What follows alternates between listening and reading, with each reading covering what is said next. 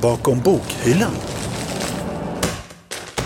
Jag tror att en bra lärare, som jag upplever det, det är de som kan involvera eh, studenterna mer under själva föreläsningen. Det viktigaste med det pedagogiska priset är att synliggöra den pedagogiska verksamheten. Har man en lärare som alltså, får en att gå, alltså lämna sin comfort zone lite och gör så att man vågar utmana sig själv. Det gör ju jättemycket. Bland det absolut roligaste med det här jobbet också är när man ser en student göra någonting som den för en månad sedan var fullkomligt inkapabel till att göra. Du vet, det är lite grann som om man har upptäckt en hemlighet och vill dela den med någon. Och jag vill liksom dela det med studenterna på något sätt.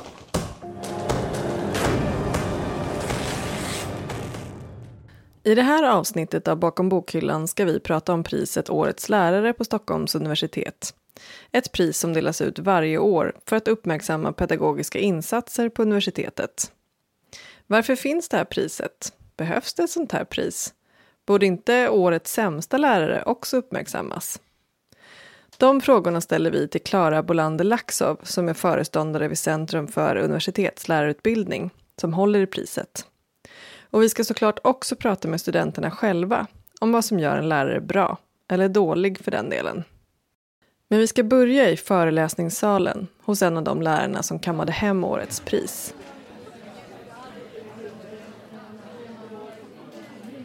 Vi befinner oss i hörsal 10 på Frescati. Alldeles strax ska Kristoffer Karlsson, lektor i kriminologi, dra igång sin föreläsning för studenter på grundnivå. Han var en av de tre lärare på universitetet som fick årets pris som bästa lärare. Och i motiveringen lyftes bland annat hans empatiska förmåga, att han kopplar undervisningen till aktuella händelser och använder sig av interaktiva moment med hjälp av bland annat digitala verktyg. Yes. Så, jag tänkte vi ska göra ett kort quiz innan vi börjar. Bara så att ni får upp pulsen lite. Det är postlunch, liksom. Kan vara bra att få upp pulsen då. Ehm, det är frågor som i stort sett bygger på gårdagens föreläsning. Varför tror du att just du blev nominerad och sen liksom blev en av de här tre lärarna som till slut kammade hem det här priset i år? Alltså det är ju en jättesvår fråga eh, att svara på. Jag tycker verkligen att kriminologi, som är mitt ämne, är bland det absolut roligaste som finns att prata om, att tänka om, att arbeta med. För det är så himla komplexa och ganska eh, utmanande frågor. Du vet, det är lite grann som om man har upptäckt en hemlighet och vill dela den med någon. Och jag vill liksom dela det med studenterna på något sätt. Bland det absolut roligaste med det här jobbet också är när man ser en student göra någonting som den för en månad sedan var fullkomligt inkapabel till att göra. Du vet, man kan ha ett seminarium eller en föreläsning och man ställer en fråga till studenten och man ser liksom att så här, det, det verkar och verkar och verkar i studentens huvud och sen plötsligt så bara glimtar det till och så har den liksom och så säger den någonting eller den gör en viss uträkning eller den drar en slutsats eller så här. Som man märker att ja, men nu fattar hon. She got it. Nu kan, hon kan det där nu liksom. Och för en månad sedan så kunde hon inte det. Den glädjen i att lära någon någonting. Det är så otroligt roligt och fint liksom varje föreläsning så ska, eller varje seminarium eller sådär så ska studenterna försöka lära sig göra någonting. Analysera någonting utifrån ett visst perspektiv eller förstå hur man, eh, vilka faktorer man behöver ta hänsyn till för att kunna utläsa en viss kurva eh, i en tidsserie eller vad det nu kan vara. Liksom. Men göra någonting så att de liksom kan gå ut därifrån och sen när de kommer hem och tittar i tidningen eller de ser en film eller de läser om någonting eller de upplever någonting så har deras blick på världen förändrats lite grann. Det är vad jag försöker göra i alla fall. Med all liksom, kraft jag kan. För jag tycker det är så viktigt och jag tycker det är så roligt. Men det kanske inte alls är därför jag har fått det här priset. Jag har ingen aning. jag har ingen aning. Jag vet inte.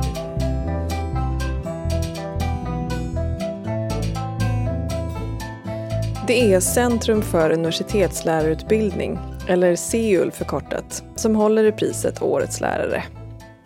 Varje år kommer det in ungefär 150-200 nomineringar för priset till Seul.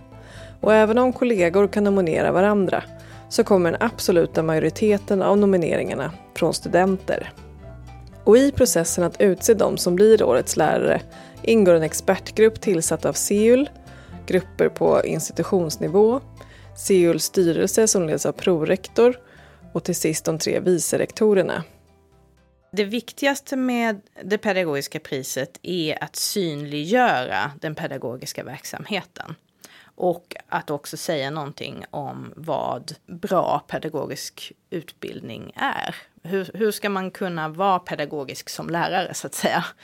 Jag heter Klara Bolander Laxov och jag är föreståndare för det som heter Centrum för universitetslärarutbildning. Och det är alltså ett centrum som jobbar gentemot eh, hela universitetet för att stödja universitetslärare och kan man säga bli bättre på sin undervisning och stödja dem i sitt utbildningsuppdrag, det pedagogiska uppdraget. Och sen är det naturligtvis eh, viktigt att eh, de som utses till pristagare, att eh, eh, de får en otrolig kick av att få känna sig uppskattade. Och det här att ha blivit nominerad av sina studenter är jättevärdefullt. Därför att eh, lärare jobbar för för studenternas lärande och vill såklart se att deras studenter uppskattar den ansträngning som de gör.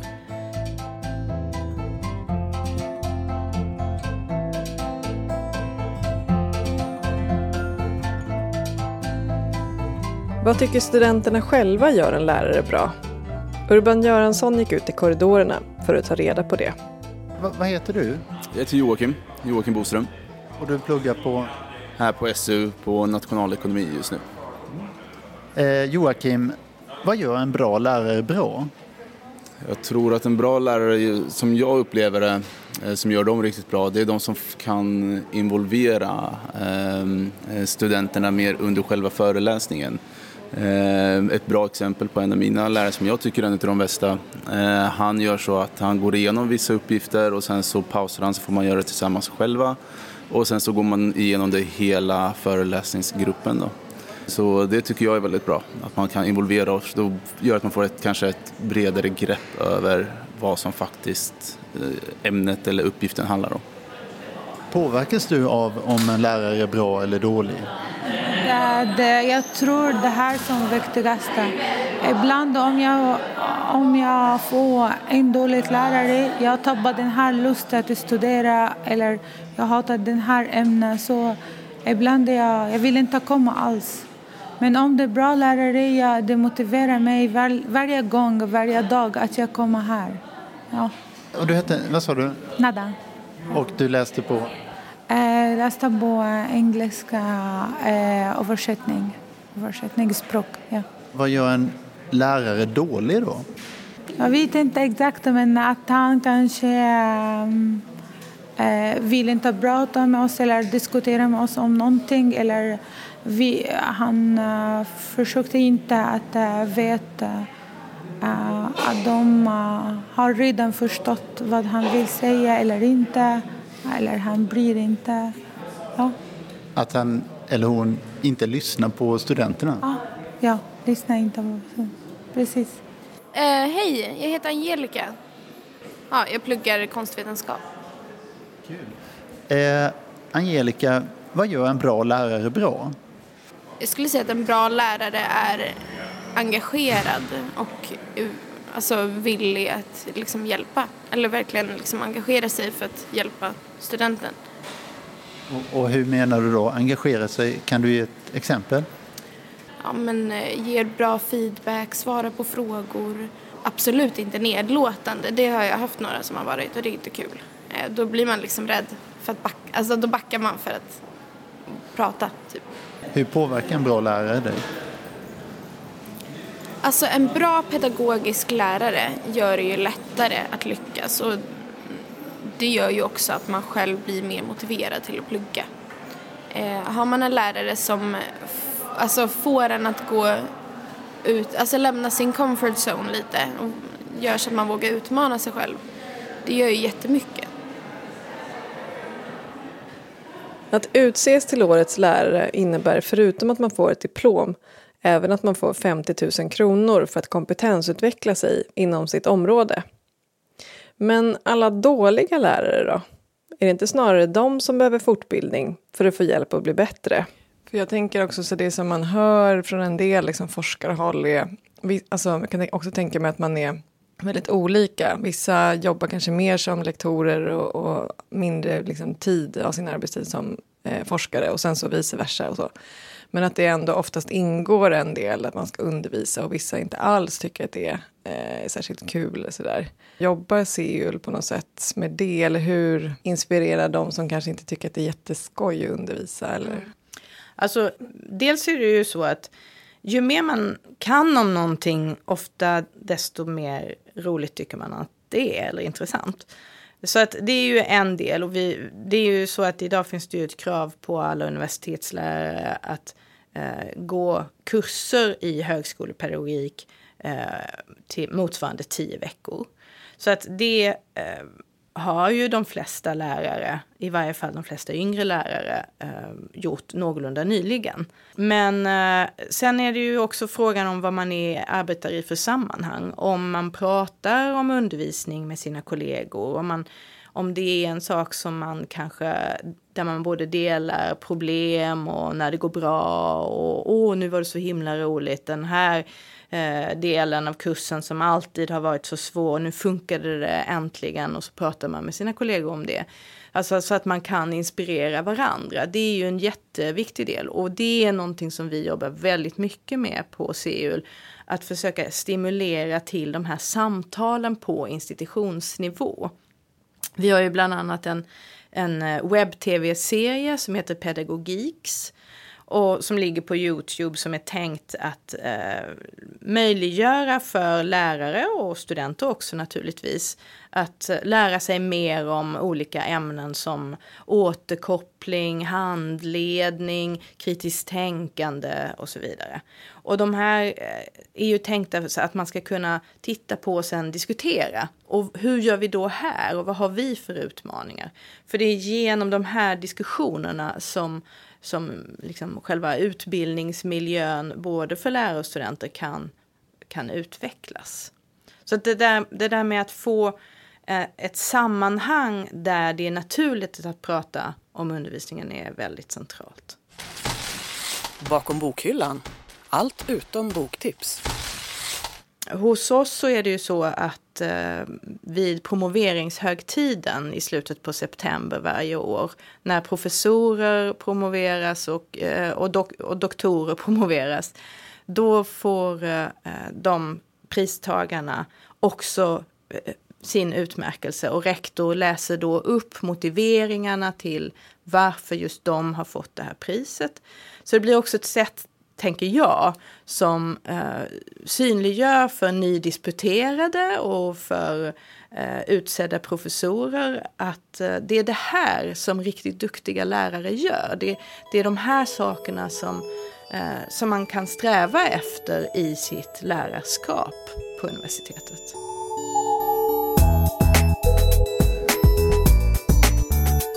Stockholms universitet uppmärksammar goda insatser i undervisningen genom att dela ut ett pedagogiskt pris, Årets lärare. Priset går till lärare som främjar studenternas lärande genom framstående pedagogiska insatser, har ett erkänt intresse och engagemang för utveckling av undervisning, liksom en erkänd undervisningsskicklighet.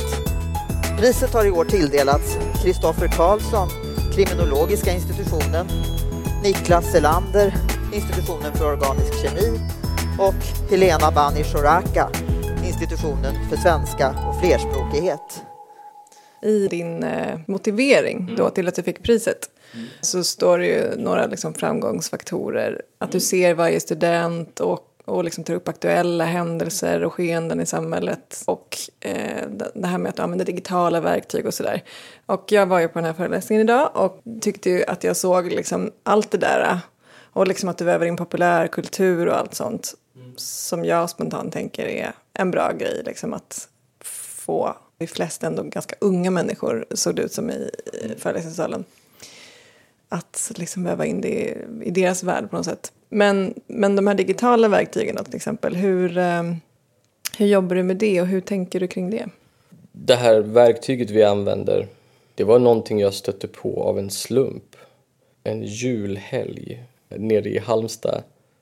Så jag men det här skulle man ju faktiskt kunna använda. Om inte annat så för att aktivera dem lite. För det är det, tänker jag, som är det stora problemet med en föreläsning, att det tenderar att passivisera studenterna. De sitter och lyssnar på en person som pratar i två timmar. Alltså vem orkar det liksom? Det är ju skitjobbigt. Det är liksom ett sätt att aktivera dem lite, att göra kurs, kursens spörsmål och innehåll lite eh, alltså man förenklar ju det väldigt. Du såg ju frågorna, quizet vi hade nu till exempel. Det är frågor du skulle ställa i en salstentamen. Så det är ju egentligen inte frågor som knyter an till lärandemålen direkt, de är lite mer komplexa på vår kurs. Men de, de knyter ändå an till kurslitteraturen, det är liksom alltså så här, eh, så det, det är bara ett sätt att lite så här checka av att de är med på de grundläggande premisserna för varje teori som vi går igenom och aktivera dem. Och sen det här att vi gjorde det till en tävling. Det är ju bara för att det är roligt, för, för, för att höja pulsen lite. Jag hade egentligen tänkt att ställa en fråga liksom om det här med, för det finns ju liksom viss, från vissa forskare så gnälls det kanske lite grann om att de tycker att undervisning tar för mycket tid och egentligen kanske inte det man vill hålla på med, man vill forska. Och då hade jag tänkt att fråga dig, så här, men hur liksom ser balansen ut mellan undervisningen och forskningen i ditt fall och sådär, tycker du att det funkar? Men du verkar vara någon form av supermänniska som liksom utöver din heltidstjänst här, antar jag att du har, skriver massa böcker, du är skönlitterär författare, du ger ut typ en bok om året sedan 2010 i princip. Mm. Du har också fått massa priser för de här böckerna. Eh, mm. Du är med i massa mediala sammanhang. Kommer det en fråga? Sitter som vecka, expert i veckans eh, brott. Och du skriver debattartiklar, du gör allehanda intervjuer om din skönlitteratur och sånt där. Och sen så är du väldigt aktiv på Twitter. Och du svarar rekordsnabbt på mail. Och du är 33 år mm. och är dessutom småbarnsförälder. För det kortet brukar ändå jag alltid kunna köra på. Men jag är mm. småbarnsförälder så jag har aldrig tid med någonting. Nej. Nej. Och så har du då blivit årets lärare också. Mm. Så då blir min fråga kanske lite annorlunda. Så här, hur balanserar du alla de här grejerna som du gör med, med undervisningen? Och hur prioriterar du undervisningen? För det känns som att det måste du göra på något sätt. Om du har fått det här priset och så. Jag tror så här. Ehm, det är ju inte så att jag gör alla de där sakerna samtidigt. Alltså småbarnsförälder är man ju hela tiden såklart. Och partner också och sådär. Men det är inte så att jag på en given dag skriver en bra forskningsartikel, håller en bra föreläsning, skriver tre kapitel i min roman, gör en intervju. Alltså det är inte så det funkar. Istället så är livet mycket mer segmenterat. Liksom. Så nu till exempel är jag inne i en väldigt tät undervisningsperiod. Jag har studenter både på campus och distanskurs. Då tackar jag i stort sett nej till nästan allting annat för att det, det är så att Eh, undervisning och institutionstjänstgöring det äter upp väldigt mycket. Det gör det. Så det är helt sant. Men för min del så är det rätt bra för mycket av undervisningen är liksom belagd kalendariskt ganska specifikt. Så jag har månader när det är väldigt mycket undervisning men sen har jag också månader när det, när det faktiskt knappt är någon undervisning alls.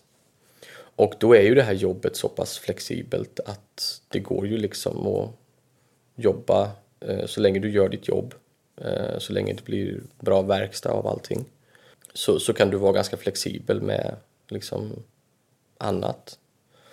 Och eh, sen har jag också gjort så att jag vid några tillfällen, och jag kommer nog göra det igen, eh, går ner i tjänst lite grann. Vilket institutionen här har varit väldigt fin med att ge mig. Så, så, så man får pussla en hel del och ha lite eh, tur, eh, fina eh, kollegor och chefer. Um, men i grunden tror jag ligger en väldig eh, rastlöshet och vilja att hela tiden göra saker. Jag blir väldigt lätt rastlös. Liksom.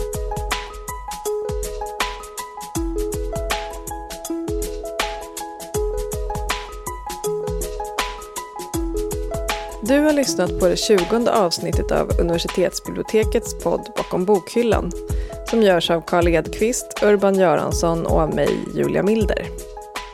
Signaturen vi använder i podden är hämtad ur stycket i Zeitung, komponerad av tonsättaren Stefan Levin. Och all musik vi använder oss av är licensierad under Creative Commons. Gå in på vår hemsida, su.se bakom bokhyllan, för att hitta våra kontaktuppgifter och alla låtlistor. Nästa avsnitt kommer som vanligt ut på torsdag om två veckor igen. Och då handlar det om innovationer. Missa inte det. Men vänta. Vi hinner med en sportfråga också. Hur känns det att eh, bli årets lärare på SU? Det, det är verkligen otroligt hedrande, eh, smickrande, eh, eh väldigt fint. Och eh, med det kommer ju också ett visst ansvar, tänker jag, alltså att förvalta.